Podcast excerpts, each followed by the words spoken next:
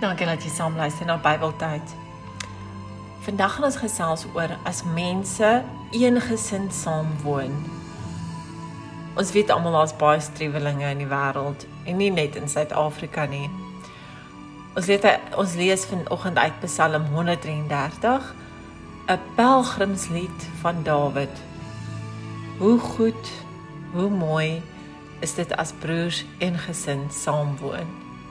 Dit is soos 'n reukolie wat van die kop af in die baard afloop, die baard van Aaron af tot by die soem van sy klere.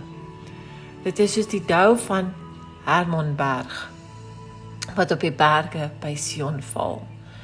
Waar broers so saam woon, skenk die Here sy seën 'n lang, lang lewe. Dit is so mooi Psalm vir my. Ons moet streef daarna om een gesin saam te lewe met ons naaste.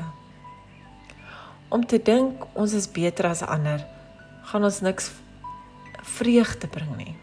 Maar wanneer ons ander sien as ons gelyke, al is ons hoe ryk, al het ons wat ook al in die lewe bereik, al wat het ons ook al geswat?